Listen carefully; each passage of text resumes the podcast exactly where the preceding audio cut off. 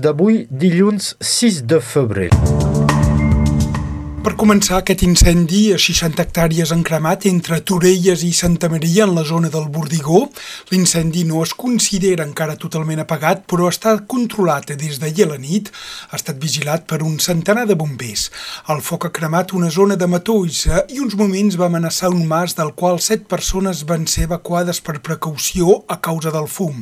Els bombers també van haver de protegir de l'incendi dos càmpings de Santa Maria. En total, 170 homes del foc han estat mobilitzats, entre els quals bombers de l'Auda que van venir en reforç. L'origen del foc no està determinat, només se sap que va començar diumenge a les 3 de la tarda en uns terrenys naturals de Torrelles prop del sender de les platges i que va progressar ràpidament a causa de la forta tramuntana que bufava aquest diumenge. L'Estat invertirà enguany entre 30 i 50 milions d'euros en obres públiques a Catalunya Nord. La xifra va ser anunciada pel prefecte, Rodrigue Fursi. La inversió concerneix quatre projectes majors, la construcció de la segona presó de Catalunya Nord a Ribes Altes, el nou Palau de Justícia, la Ruta Nacional 116 i el Pla de Renovació del Centre Ciutat de Perpinyà.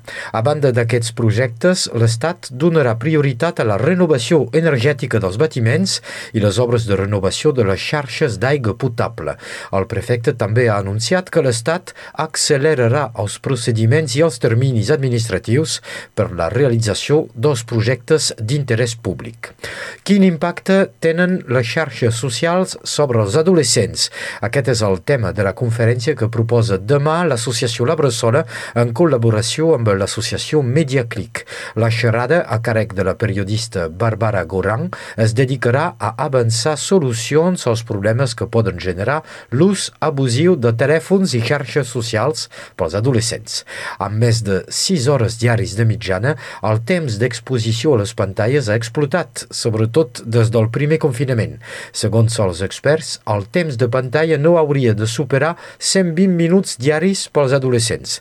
La conferència tindrà lloc al Col·legi Pompeu Fabra de la Bressola al Soler demà dimarts a les 6 de la tarda.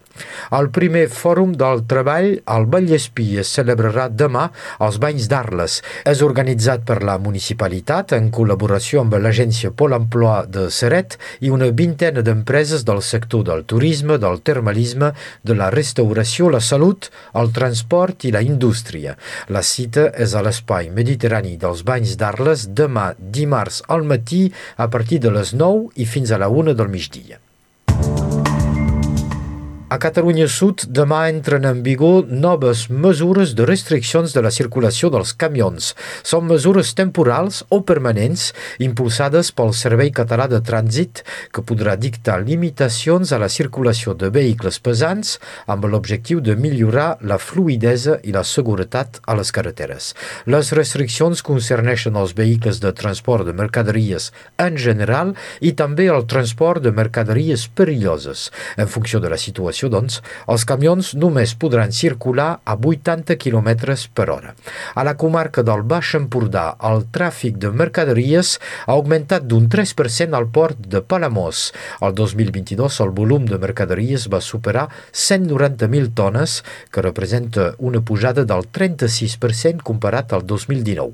Dos productes expliquen les bones dades del port de Palamós, la pasta de paper, importada principalment d'Amèrica del Sud i que serveix per elaborar mocadors, bolquers o paper higiènic. El segon producte far del port gironí és la barita, un mineral que sempre per donar consistència a les pintures. A l'estat francès, el Consell d'Estat formula un avís molt crític sobre el projecte de la reforma de les jubilacions i critica durament el mètode emprat pel govern. El Consell subratlla sobretot la feblesa i les mancances de les previsions financeres sobre el qual se basa el projecte de la reforma. A més del fons, el Consell d'Estat també ha donat un avís molt crític sobre la forma. El govern francès ha optat per multiplicar les ordenances ordenances, 29 en total, cosa que complica la visibilitat global del projecte.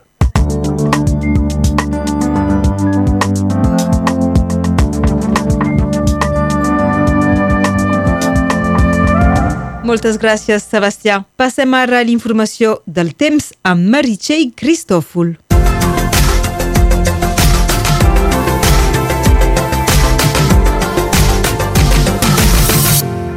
Dia. El sol ha marxat, les temperatures han baixat quasi d'un cop i els núvols han decidit colonitzar el cel nord català, una miqueta menys de vent si comparem amb la diada d'ahir. Avui la tramuntana bufa a 35 km per hora a la plana del Rosselló, possibles ruixats avui del costat del Conflent, tot com caigudes de neu a Cerdanya i al Capcí, Tornem a tenir fred avui, les temperatures màximes són de 10 graus a Perpinyà, 9 a Talteüll, 8 a Montesquieu, 7 a Serret, 3 a Estoe, a Prats de Molló, a Prada i a Nier, i menys 4 graus a Eguet i a Fontrabiosa.